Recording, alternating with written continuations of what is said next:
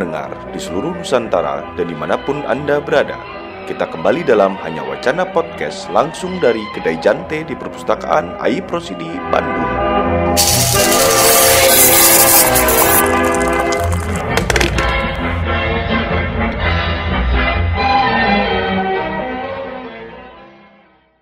mendengar hanya wacana podcast di mana pun anda berada di seluruh Nusantara. Kali ini kita kembali lagi obrolan santai seputar puisi dengan sang penyair Randy Jack Satria. Tadi kita udah ngomongin soal ini, Pak Randy, Bung Randy ya, Wah, Kamen Rider. Oh, soal Satria Baja Hitam. Iya. Lu itu puitis deh pasti ya. Iya, Kamen Rider itu, bro. Lu bayangin konsep visual sebuah pakaian dari belalang. punya dari Kamen Rider dari tahun 73 sampai yang sekarang gue ada koleksinya Kamen Rider. Jadi sebenarnya Kamen Rider ini bagi gue bisa menumbuhkan semangat masa-masa kecil gue yang gue ternyata masa kecil gue ini. Sebagai pahlawan kebajikan ya. Aku akan kalah, aku tidak berubah. Terus filosofis bro. Berarti kan manusia itu harus berubah kalau dia nggak mau kalah. Ya sebenarnya lu Kotaro Minami ini udah tua sekarang dia bro. Sebenarnya lu berubahnya ke ke masa yang lalu ya. Ini ini ini. Kamen Rider. eh, Tapi kita nanti akan ngomongin Kamen Rider lah ya. Kapan-kapan aja ngomongin Satria Baja Hitam dan Pentaro Minaminya ini ya. Belalang tempur. Nonton juga dulu. Wah, enggak lah kan gua gua Oh, haji. enggak ya, radio dengernya. Radio drama ya. dulu Dragon Ball sebenarnya itu dulu tuh ada satu masa di mana kalau kita ya TV itu kan dikuasai oleh Pak RT ya. Hmm. Gitu. Itu Tayangannya yang lo tonton. Itu gimana Pak RT yang punya parabola gitu. Oh iya, iya, jadi giliran kita mau nonton Dragon Ball di Indosiar jam 7 kemudian muncul tayangan sinetron ganti sudah. Gitu. Jadi, Dan iklannya lama men kalau Dragon Ball. jadi bagi gue kemewahan kita hari ini punya kuasa pada YouTube tuh kita klik klik sendiri itu luar biasa. ya. Iya, gue jadi bisa melihat eh, film-film kamera depan 90-an yang Hmm, gitu. Hmm. Dan Jadi dia sempat kalah. Dulu nggak bisa kayak gitu. Nah itu pun mungkin sangat sangat berhubungan dengan puisi ya. Oh, Iya. nyambung ya. Ya nyambung jelas. Puisi, Kamen Rider, dan teknologi. pilihan kita atas apa ya pilihan kita atas referensi pilihan kita atas apa yang kita baca itu udah gak ada batas pak Iya. bebas ya bahkan lu bisa tadi di podcast sebelumnya bahkan lahir satu buku puisi lu pelukan suku jangga yang bisa ngambil referensi sangat jauh gitu, pada yang lu suka gitu secara pribadi nah jadi lebih mudah atau lebih sulit sebenarnya menulis puisi dengan kebebasan teknologi itu?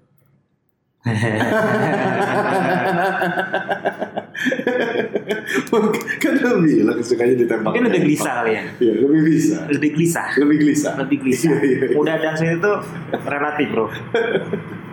relatif. Tapi gue menemukan kenyamanannya lewat mesin tik ya. Iya. Karena dengan mesin tik gue bisa mengatur kata, diksi. Kalau salah kan kertas terbuang gitu. Itu gue lebih bisa menemukan itu. Hmm.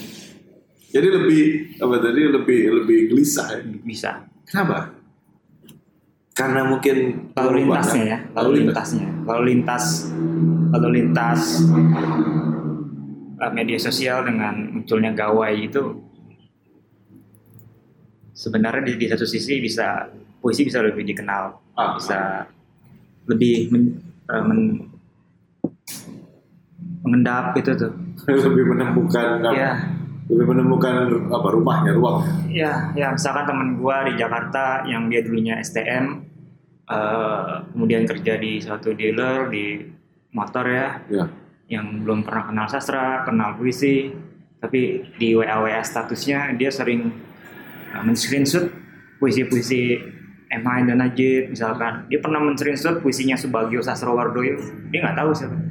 Kemudian dia sering men-screenshot paling sering dia men-screenshot puisi-puisinya uh, Willy ya Wesrendra bagi gua dan gue sering melihat kan oh, padahal dia nggak dibangun iklimnya. Hmm. tapi dia menemukan itu dari lalu lintas kan lalu lintas media sosial Instagram Twitter atau Facebook.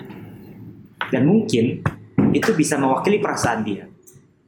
Iya iya iya iya. Kata-kata di, di, di, di satu sisi itu menjadi formula untuk mengenalkan puisi ke tengah masyarakat awam termasuk temen gue yang dari lulusan STM Yap, yap, yang yap. hobinya tawuran itu dia bisa menemukan puisi di lalu lintas media sosial. Dan dia nggak tahu siapa Subagio Sastrowardoyo misalkan.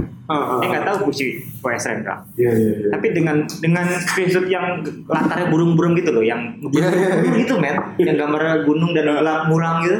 Atau kita nemu ya, puisi yang dibacakan di YouTube itu kan juga Iya iya juga iya ya. iya iya. Iya iya. iya. Ya, itu kan nggak peduli mereka siapa penyair itu. Jadi bila bila puisi itu muncul di dalam lalu lintas perbincangan media sosial atau algoritmanya media sosial, berarti memang meriah juga puisi hari ini ya, Cukup meriah. dengan keberadaan teknologi. Ya semacam kayak happy anniversary kali ya. Happy anniversary ya. Kayak dulu kan mungkin gua ngalamin lah masa Kok happy anniversary sih kan? nggak tahu gitu. Happy anniversary selamat ulang tahun puisi ya. Iya iya iya. Dan gue nggak tahu sampai kapan bertahannya. Pernah mungkin kalau kita mundur 10 20 tahun yang lalu Khalil Gibran lah yang merajalela ya. Ya ya. Siap-siap patah ya. Itu kayak beredar di semua toko buku dan lain-lain. Jadi seolah-olah masa Bukunya itu cetakannya pertama tanpa sembilan Sang Nabi gitu Khalil Hmm, Gibran. itu juga. Buku pertamanya yang pertama kali diterjemahkan ke Indonesia tanpa sembilan. dan kemudian banyak banget yang dialihwahanakan menjadi Ya. lirik musik dan lain-lain. Nah, hari ini pun kan sama ya. Hmm. Hari ini punya kemewahan itu juga, kemeriahan itu juga. Gue gak akan bicara atau nanya ke lu karena sudah dibahas di podcast sebelumnya apakah ini nasib baik atau nasib buruk ya kan, bagi puisi itu sendiri. Tapi apa namanya pembuat puisi itu apa? Penyair ya. Ya. Gimana menjadi penyair hari ini? Dengan apa? Lalu lintas yang luar biasa. Dengan kemungkinan Sebenarnya generasi hari ini, generasi milenial hari ini sebenarnya sangat beruntung ketika dia menjadi penyair di era hari ini. Hmm, Karena dia tidak lagi disibukkan oleh patron-patron di mana puisi harus dimuat di koran, ya, koran A, koran B, koran C, koran D misalkan. Nggak lagi diterbitkan di majalah-majalah sastra. Penyair generasi milenial hari ini menurut gua cukup beruntung dia menemukan eranya. punya kemewahan. Salah satunya punya kemewahan dan dia mempunyai kekayaan perangkat. Hmm. Dia bisa menulis di notes, dia bisa merekam puisinya aja dan dia bisa memfoto lalu dijadikan bahan renungan imajinasi pas di rumahnya di depan laptopnya. Beda dengan generasi mungkin tahun-tahun 90-an, Iya, iya, iya. tahun 80-an yang di mana eh, mm, puisi eh, medannya itu, medan perburuannya itu hanya pada pertemuan sastra misalkan. Kemudian harus dimuat di koran A dengan dengan butuh susah payah harus di majalah Horizon dan di majalah-majalah penting di era itu dan eh, sayangnya eh, di menurut gua Iya. Kekurangannya itu menjadi produk instan gitu ya Jadi profesional. Karena karena kesegeraan. ya. segeraan dan ketik jadi beres tanpa diedit lagi dan dikirim di WA status lalu di, di screenshot orang lalu nah dari screenshot itu lalu terjadilah lalu lintas yang padat lampu merah terobos lampu hijau berhenti lampu kuning nggak hati-hati Oke. Oke. Ma- ini menarik. m- masuklah kepikiran-kepikiran orang misalkan ke si A status lo mungkin yang hari ini lu tulis di kedai tek, tek. udah kemudian di, di, di screenshot orang sama temen lu yang ada di Bojonegoro atau yang ada di Ambon atau yang ada di Sumatera itu cepat kan padahal itu lu tulis hanya sejam Ya, ya, tidak ya. ada perenungan misalkan Ya, ya, ya. tidak ada hal-hal yang emosi yang mendalam ya, ya. Jadi apa? Mengganggu ke pertanggungjawaban ya? Atau gimana? sebenarnya enggak tapi kepusyuannya mungkin Oke. Ya, memang menjadi khusyuk itu hari ini. agak sulit Ya, ini ini kan sulit agak, oh, ya. agak susah orang udah sering bahas soal hidup serba cepat, hidup serba instan dan lain-lain. Tapi menariknya kan puisi itu cenderung pada wilayah yang sunyi, yang sebenarnya sebenarnya dari ruang-ruang iyalah. Ya. kan Tuhan pun kan tuh berfirman di dalam asyuara itu mereka berenung di lembah-lembah men dan itu masih berlaku Tidak membuat status ya. kan tulisannya kalau di Facebook ya, what's on your mind gitu ya. ya ya ya ya, ya. Seolah kata-kata kita adalah pikiran kita. Dan orang dengan cepat uh, mereproduksi itu secara instan di media sosial. Kesementaraan, kesegeraan, kecepatan kecepatan itu jadi mata uang yang apa ya sekaligus Pabrik. membantu jadi pabrik pabrik pabrik kata-kata men sekaligus benar mempermudah. Gimana sih gua membayangkan Eh, sebenarnya kekalutan dulu lah gitu begini men di satu sisi politik sesuatu yang didapatkan dengan cara yang instan atau cepat itu akan hilang dengan cepat juga. Sesuatu yang didapatkan dengan proses yang lama itu akan hilangnya akan lama tadi di awal ke pernah cerita kan kenapa puisi-puisi yang muncul di era-era itu masih bisa ada masih bisa ditagarkan oleh generasi hari ini. Gue berterima kasih banget sama hari ini tuh kan tagar-tagar mereka masih bisa hidup. Oh menarik. Proses menarik. intelektual cukup kusyuk. menarik, menarik, menarik. Lo ingin mengatakan bahwa Ya.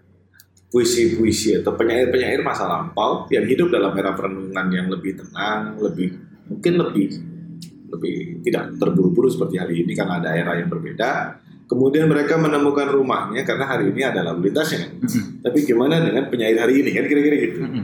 Yang kemudian mereka ada teknologi itu tapi tidak mengalami masa Ya perenungan tajam itu, pengendapan, kekusyuan, dan marwahnya itu nggak dapet gitu tuh. Kenapa? Karena ya tidaknya tidak adanya proses yang tidak adanya proses yang gelisah gitu tuh. oh, oh. Eh, kecepatan itu sendiri kan menggelisahkan bro. Iya memang menggelisahkan makanya puisi-puisinya dikutip setengah-setengah tidak dia tidak, tidak menjadi bait yang utuh gitu tuh gue sih nggak menyalahkan itu ya pernah gue bahas waktu itu ya di 2019 di seminar Ya. di di game itu bahwa puisi kita hari ini tuh menumpang gerbong 4.0 Ya ya ya. menumpang gerbong teknologi 4.0 dia menumpang Hmm. tapi menjadi penumpang yang baik kita sebenarnya puisi itu penyair itu menjadi penumpang yang baik karena hari ini manusia butuh perenungan butuh kata-kata mutiara mungkin ya kata-kata yang ditulis oleh para penyair yang serius untuk menjadi bahan renungan mereka mana teman gue yang anak STM yang di Cibubur itu di Jakarta Timur bisa dapat dari mana dia Subagio Sawardoyo kalau nggak mencari misalkan kata-kata rindu misalnya Hmm. keluar misalkan Subagio Sawardoyo di situ di mesin Jadi- pencarian. Jadi publiknya butuh butuh jawaban atas keresahannya atau bukan jawaban, butuh butuh kata-kata yang tepat untuk keresahannya. iya kan kata-kata men. Bukan visual men Ya bagi gue sih kata-kata itu sangat visual. iya iya iya Tapi iya. kita debatkan lain. oke oke siap siap oke gua gua pak gua tahu pasti akan ngomong gitu Menariknya bagi gue gini. Kalau lo mau- mau bicara tentang ide yang utuh, kita bisa membuat analogi sederhana ya. Surat sekitar 20-30 tahun yang lalu, orang menumpahkan ide dalam satu lembar. Karena mungkin akan dibalas dua bulan atau sebulan kemudian. Ini bukan wesel. Kita hanya bukan bukan bukan telegram bukan telegram gitu. Nah, hari ini kan orang juga berkomunikasi sepotong-sepotong. Nggak seutuh era itu. Hari ini kamu di mana? Contreng biru nggak dibaca emosi. Ya, wah, dari contreng biru kok belum dibalas ini ya. Nah, ada ada resiko, ada resiko teknologi yang kemudian harus dihadapi pada komunikasi. ya Jadi ini ini apa nih? Ini ini tubrukan yang tubrukan kebudayaan yang bagi gue gue nggak tahu gimana cara lu sebagai penyair kemudian hidup dalam tubrukan ini. Kalau lo bicara harus merenung, sepakat gue. Tapi apakah merenung har- harus dikontekskan seperti masa lalu? enggak juga enggak kebenaran imajinasi men dalam puisi yang gue tekankan kebenaran imajinasi Imajinasi. Gimana tuh? bagaimana lu bisa menuangkan kata-kata lu bagaimana lu bisa menuangkan puisi lu kalau nggak ada kebenaran imajinasi di situ puisi yang baik puisi akan bertahan bagi gue di era tumpukan-tumpukan sampah teknologi yang sekarang ini yang spam spam itu dia akan terlihat kilauannya gitu tuh. Kalau dia puisinya itu bisa merekam segala gundah gulana kegelisahan atau kepatah hatian eh, manusia hari ini. Mungkin manusia hari ini di netizen atau di dunia maya banyak yang bersedih mungkin ya. Banyak yang gundah gitu lalu dengan lewat puisi yang ditulis para penyair-penyair kita dia bisa menemukan setidaknya sekilas oh ini gue banget ya. Hmm. mungkin itu ya mungkin salah satu psikologis masyarakat netizen hari ini Ya, masyarakat yang penuh dengan kesedihan makanya dia butuh puisi ya. Gue pengen masuk ke wilayah itu. Jadi soal soal keakuan, soal keakuan yang kemudian juga terjadi di di bidang yang lain di industri kata-kata, di industri musik. Kayak lo bisa bayangkan Spotify misalnya. Orang nggak lagi mungkin penasaran dengan satu album dari satu musisi. Kenapa? Kan gitu. Kenapa? Karena kemudian mereka tertarik dengan playlist yang, yang sangat dia. Pagi ada tulisan morning routine atau morning workout. Gue lagi mau olahraga, maka musik yang tepat buat gue apa? Jadi tentang keakuan yang sangat tinggi. Jadi egonya pun dibentuk menjadi tinggi. iya iya Bahwa kemudian tadi lo katakan, oh mungkin dia nggak tahu lengkapnya Subagio Sastrowardoyo itu gimana. Tapi yang aku bagi dia, ya sepenggal kata itu. Yang aku bagi seorang di dalam monorail atau dalam MRT adalah satu kata lawan dari Wiji Tukul. Iya, iya, iya, dia iya. Melawan kehidupan dia penuh rutinitas kan. iya iya Keakuan ini yang kemudian dihadapi oleh para para para penyair menurut gua dan keakuan ya keakuan. iya iya Gimana kemudian eh, jawaban atas itu Eh, kayak kayak kemudian ada tekanan baru bahwa seorang penyair harus juga membayangkan semesta keakuan dari membacanya. Perlu nggak itu? Karena ada teknologi yang seperti hari ini. Begitu. Iya keakuan ya Iya, keakuan ya ibarat kata lah kan kita misalnya pagi nih gue mau olahraga. Atau bahkan eh seleb kuratorial, selebritis kuratorial misalnya. Obama playlist musiknya apa ya? Oh, ternyata playlist musiknya Barack Obama tuh udah ya setiap tahun kan dia sering gitu kan. Begitu gue dengar kan gue seolah-olah menjadi Obama. Morning uh, with Barack Obama. Misalnya ada playlist seperti itu di Spotify. Lagunya gini ya jadi Barack Obama. Jadi representasi keakuan yang kemudian dihadapi oleh para penyair yang ingin bicara kadang-kadang sesuatu yang universal. Itu gimana? Karena bisa nggak nyampe menemukan rumah yang lo maksud itu bisa rumah yang banal kan sebenarnya. banal ya. Eh, misalkan bagi gue posisi penyair hari ini Ya, cukup eh, sangat krusial ya bagi gue. ya, ya, dia masih oh, bukan masih dibutuhkan ya.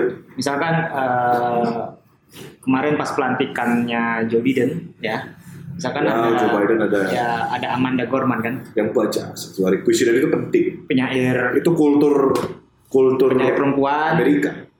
kemudian kulit hitam namanya Amanda Gorman bayangkan men dunia ke satu men Amerika di salah satu perayaan terbesarnya mengundang penyair untuk membacakan Ya, ya. puisi.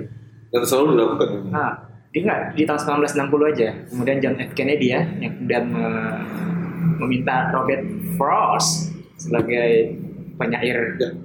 utama yang untuk Ya. membacakan puisi. Sastra itu luar biasa. nih. Universal. Puisi-puisinya dibacakan universal dan eh, posisinya adalah mungkin daya eh, dia memiliki daya tawar sebenarnya. Ya, dengan memiliki daya tawar ini sebenarnya kan di di Al-Qur'annya kan juga dituliskan asy'ar ya.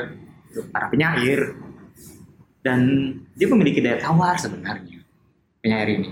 Keakuannya itu sebenarnya bisa bisa lebur ketika dia si penyair ini mengikuti lalu lintas eh, media sosial ini dengan hati yang jembar gitu, hati yang Hmm. lapang. Bahwa puisi-puisi gue kadang harus bertarung dengan puisi-puisi screenshotan yang ditulis oleh si A, si B, yang siapa aja ini Ya, dari dia. dari dari dari belantara mana kan? Persis. Nah, yang tadi tadi kilauan puisi itu pasti akan terlihat. Itu ya yang disebut spiritnya, semangat semangat kata-kata di situ. eh, misalkan oke gue tarik lagi lebih jauh. Al Bushuri misalkan. Penyair ya penyair Al Bushuri Al Burdoh eh, salah satu penyair yang pernah bermimpi tentang Rasulullah lalu dia menulis syair-syair indah sekitar ratusan bait. 163 bait kalau nggak itu. Oh, puisi bait-bait yang ditulis untuk Rasulullah dan sampai hari ini masih bisa dibacakan di pesantren-pesantren. Padahal banyak dari mereka yang nggak tahu bahwa puisi itu syair-syair tersebut itu ditulis oleh Al Bushuri oleh salah satu penyair gitu. Kalau kita lihat ya dalam konteks Islam. Ya. gitu tuh.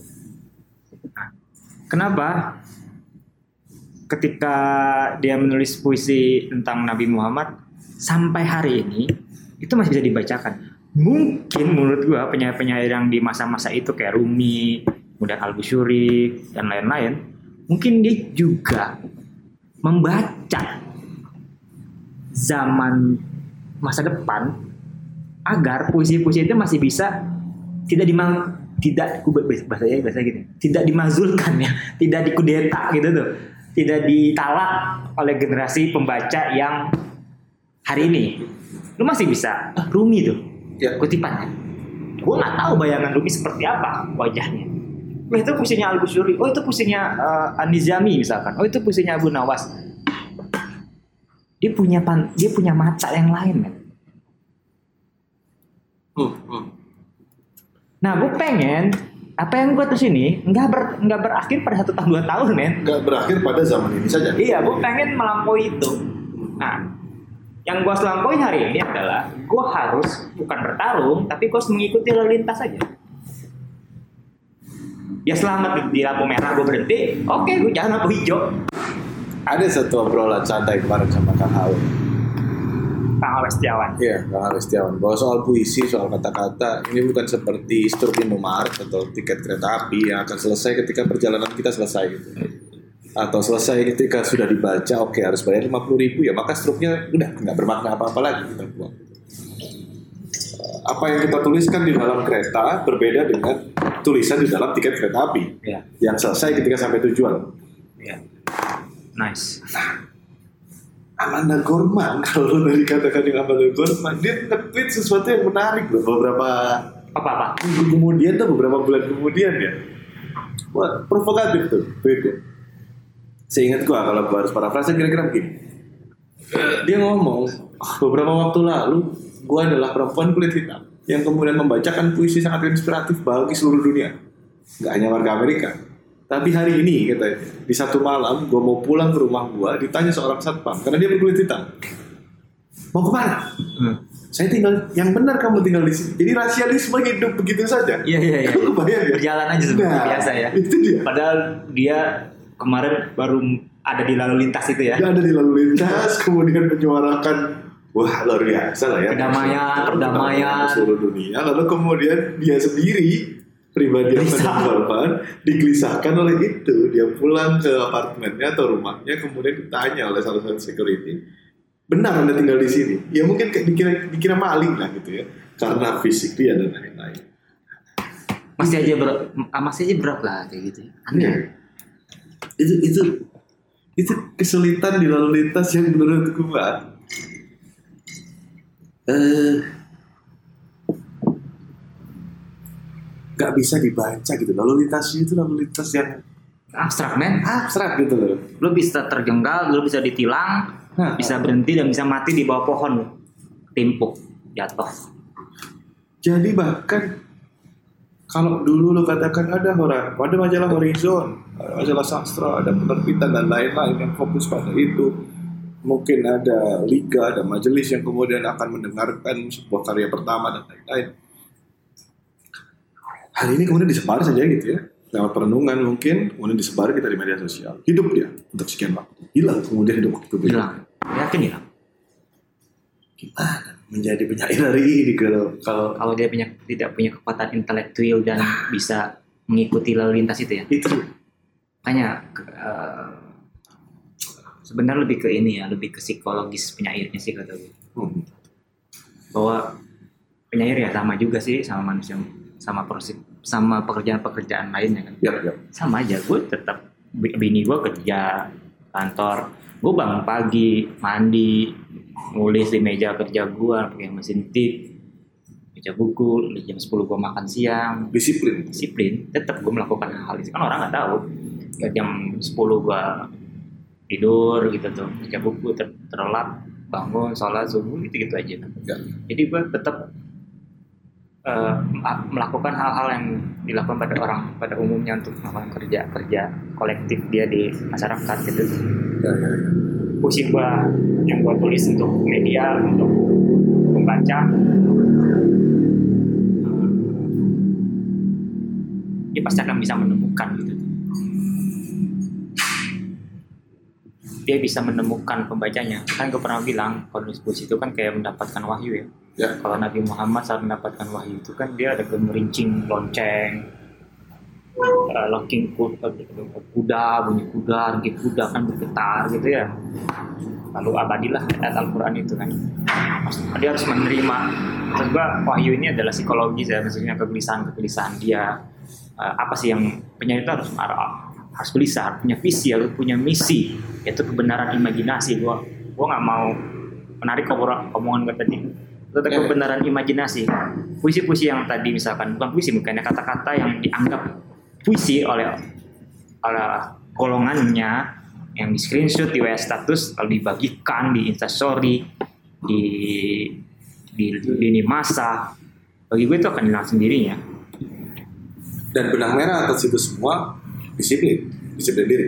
disiplin diri seperti halnya orang-orang yang bekerja pada umumnya aja. Semua akan menemukan rumahnya. Dan kalau sudah menemukan pembacanya ya dijaga pembaca itu dengan karya-karya yang baru Karena kan sering ya, wah kepenyairan itu harus menarik diri dari kehidupan yang fana, ya kan? Ya, kayak, Oh nggak bisa dong, dia harus menarik diri dari kehidupan yang fana. Dia butuh uh, semesta perenungannya sendiri. Eh, stereotipnya seperti itu ya Hmm. karena mungkin eh, kayak Lord Byron, Iya mereka punya advantage kan. Oscar Wilde, Iya. Mereka punya kemewahan negara kolonial. Ah, ah. Kita yang dikolonialisasi. eh, Gimana kan gitu. eh, Kaum kaum menak. Iya iya iya, gue bingung ya kan. Di era-era itu kayak Paul Celan dia meninggal di Sungai Sen dengan menjeburkan dirinya ya jatuh dengan ada 100 pucuk surat surat di kantong bajunya gitu. Ya meninggal aja bisa puitik ya. Kan? Hari ini bisa saja berserak di trotoar ya kan. dengan perut kelaparan dengan perut kelapa. Kita juga. dengan kota yang dibeli dengan gesek pakai koin Ah, iya. namanya perubahan ini yang harus kita kita, kita cari jalan keluarnya gitu gue tidak meminta seorang penyair harus bekerja uh, Mati-matian. iya 24 jam gitu. Enggak enggak. Mereka harus punya keluarga harus nafkahi harus nyari yang lain gitu ya. Lubang-lubang yang lain. Tapi paradigmanya aja kerangka berpikirnya itu yang harus di kita ya kita harus menerima lah. Kalau zaman sekarang pengennya mau gitu kita bisa ikuti tapi dengan cara tetap cara elegan elegan puitis. Yap, yap, yap, yap. Nah, ini ini bagi gue catatan penting. Bukan hanya untuk seorang penyair atau kelompok penyair tapi juga untuk mungkin di kelompok fotografi mungkin di kelompok musik dan lain-lain ya bahwa bahwa industri kreatif industri seni sering kali dipandang sebagai industri yang santai gitu ya, bisa hidup slow mikir yang bebas dan lain-lain sehari-hari berdiskusi. Tapi ada disiplin yang kemudian juga harus diterapkan karena karena dia masih hidup dalam waktu dia harus menghidupi waktu dia gitu bukan bukan sebatas kemudian kalau kata lo terombang ambing lalu lintas Iya. Yang paling sangat kentara bagi gue ya. Bagi gue penyair di penyair se- se- bagi gue penyair itu sebenarnya di Indonesia itu sebagian besar ya senior senior yang gue kenal itu oke oke loh. Misalkan taruh ya Aib Rosidi. Ya. dia punya pustakaan kan pribadi yang kemudian dijadikan untuk umum. Ya. bayangin aja. Ya sosok luar biasa ya. Wes Rendra di, di Citayam punya tanah berapa hektar punya air. M. Haidin Najib punya air juga. Dia punya pustakaan di Jakarta. Punya air pasti yang punya pustakaan sebenarnya kita harus melihatnya dari segi yang lain. Jangan melihat seginya yang bahwa punya itu bohemian dan Ya, ya. kelaparan. Tapi nah paradigma itu yang harus dirubah bahwa gue pengen ngambil eh, siapa nama role modelnya siapa nih? Kalau misalnya lo ngambil role model Khairil lo akan terbawa terus dengan ke, ke bohemian kosmopolitan. Ya penyair kosmopolitan kalau, pertama mungkin. Kalau Kairi waktu itu lebih panjang Ya. mungkin juga kerja kebudayaan yang lain. iya dan dia kan juga golongan darah biru kan ponakan Syahrir bapaknya bupati di Rengat gitu kan Ya, ya, ya. Bila kita tidak punya kemewahan itu semua, maka pertimbangannya jatuh pada karya. iya Ya, gue ya. karya lo yang akan menolong lu Ya. gue yakin itu Pak Ipros ini ditolong sekali dengan karya-karya puisi. Kan dia kemunculannya juga lewat karya puisi men.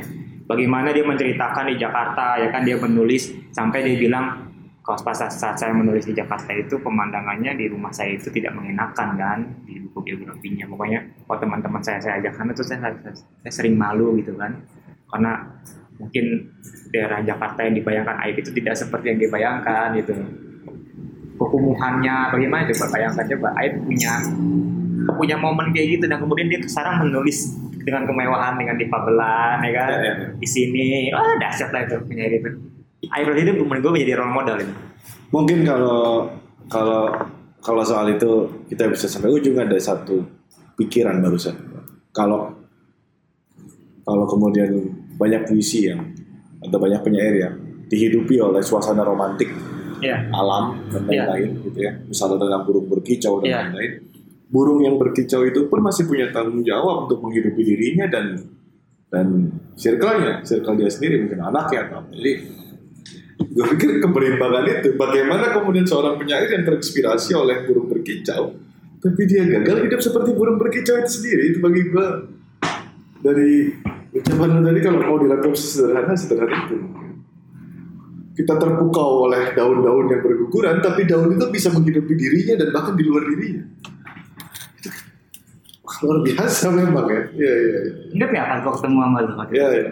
lu lu puitis banget bro dia daun daun dulu bro gitu kan itu kan bahasa bahasa sering yang gua gua utarakan kalau di bawah batu di kampus Eh, iya, iya, iya. Dan gue tidak malu mengungkapkan hal itu sama bini gue juga gitu. Kadang kadang gue kalau naik mau bini gue lagi di jalan di mobil gue lihat berhenti gue pernah sering berhenti loh di pinggir jalan. Misalkan di jalan Nate Madata sebentar ya itu ada daun-daun yang luruh ada bekas hujan. Ini gue gue menikmati men. Mungkin gue doang yang menikmati. Gue gue tanya ini puitis tuh pak? Apanya yang puitis? kata penjual jagung jagung bakar misalkan kan. Coba momen itu dia hanya ditangkap oleh penyair kan Bayangkan men kalau kita punya penyair di kota Bandung dan di Indonesia men. Ya masih ada fotografer. Oh iya benar. Ya terima kasih Pak Randy ya. Oke. Biasa. Ini improv ya. Sorry ya kalau salah-salah kata ya Kang Jawat ya. Thank you Mas. Kalau ada salah-salah kata ya, maafin ya. Semoga selalu menjadi penyair yang biasa-biasa saja ya. Iya. Udah hati ya. Amin. Selamat siang. Terima kasih saudara pendengar.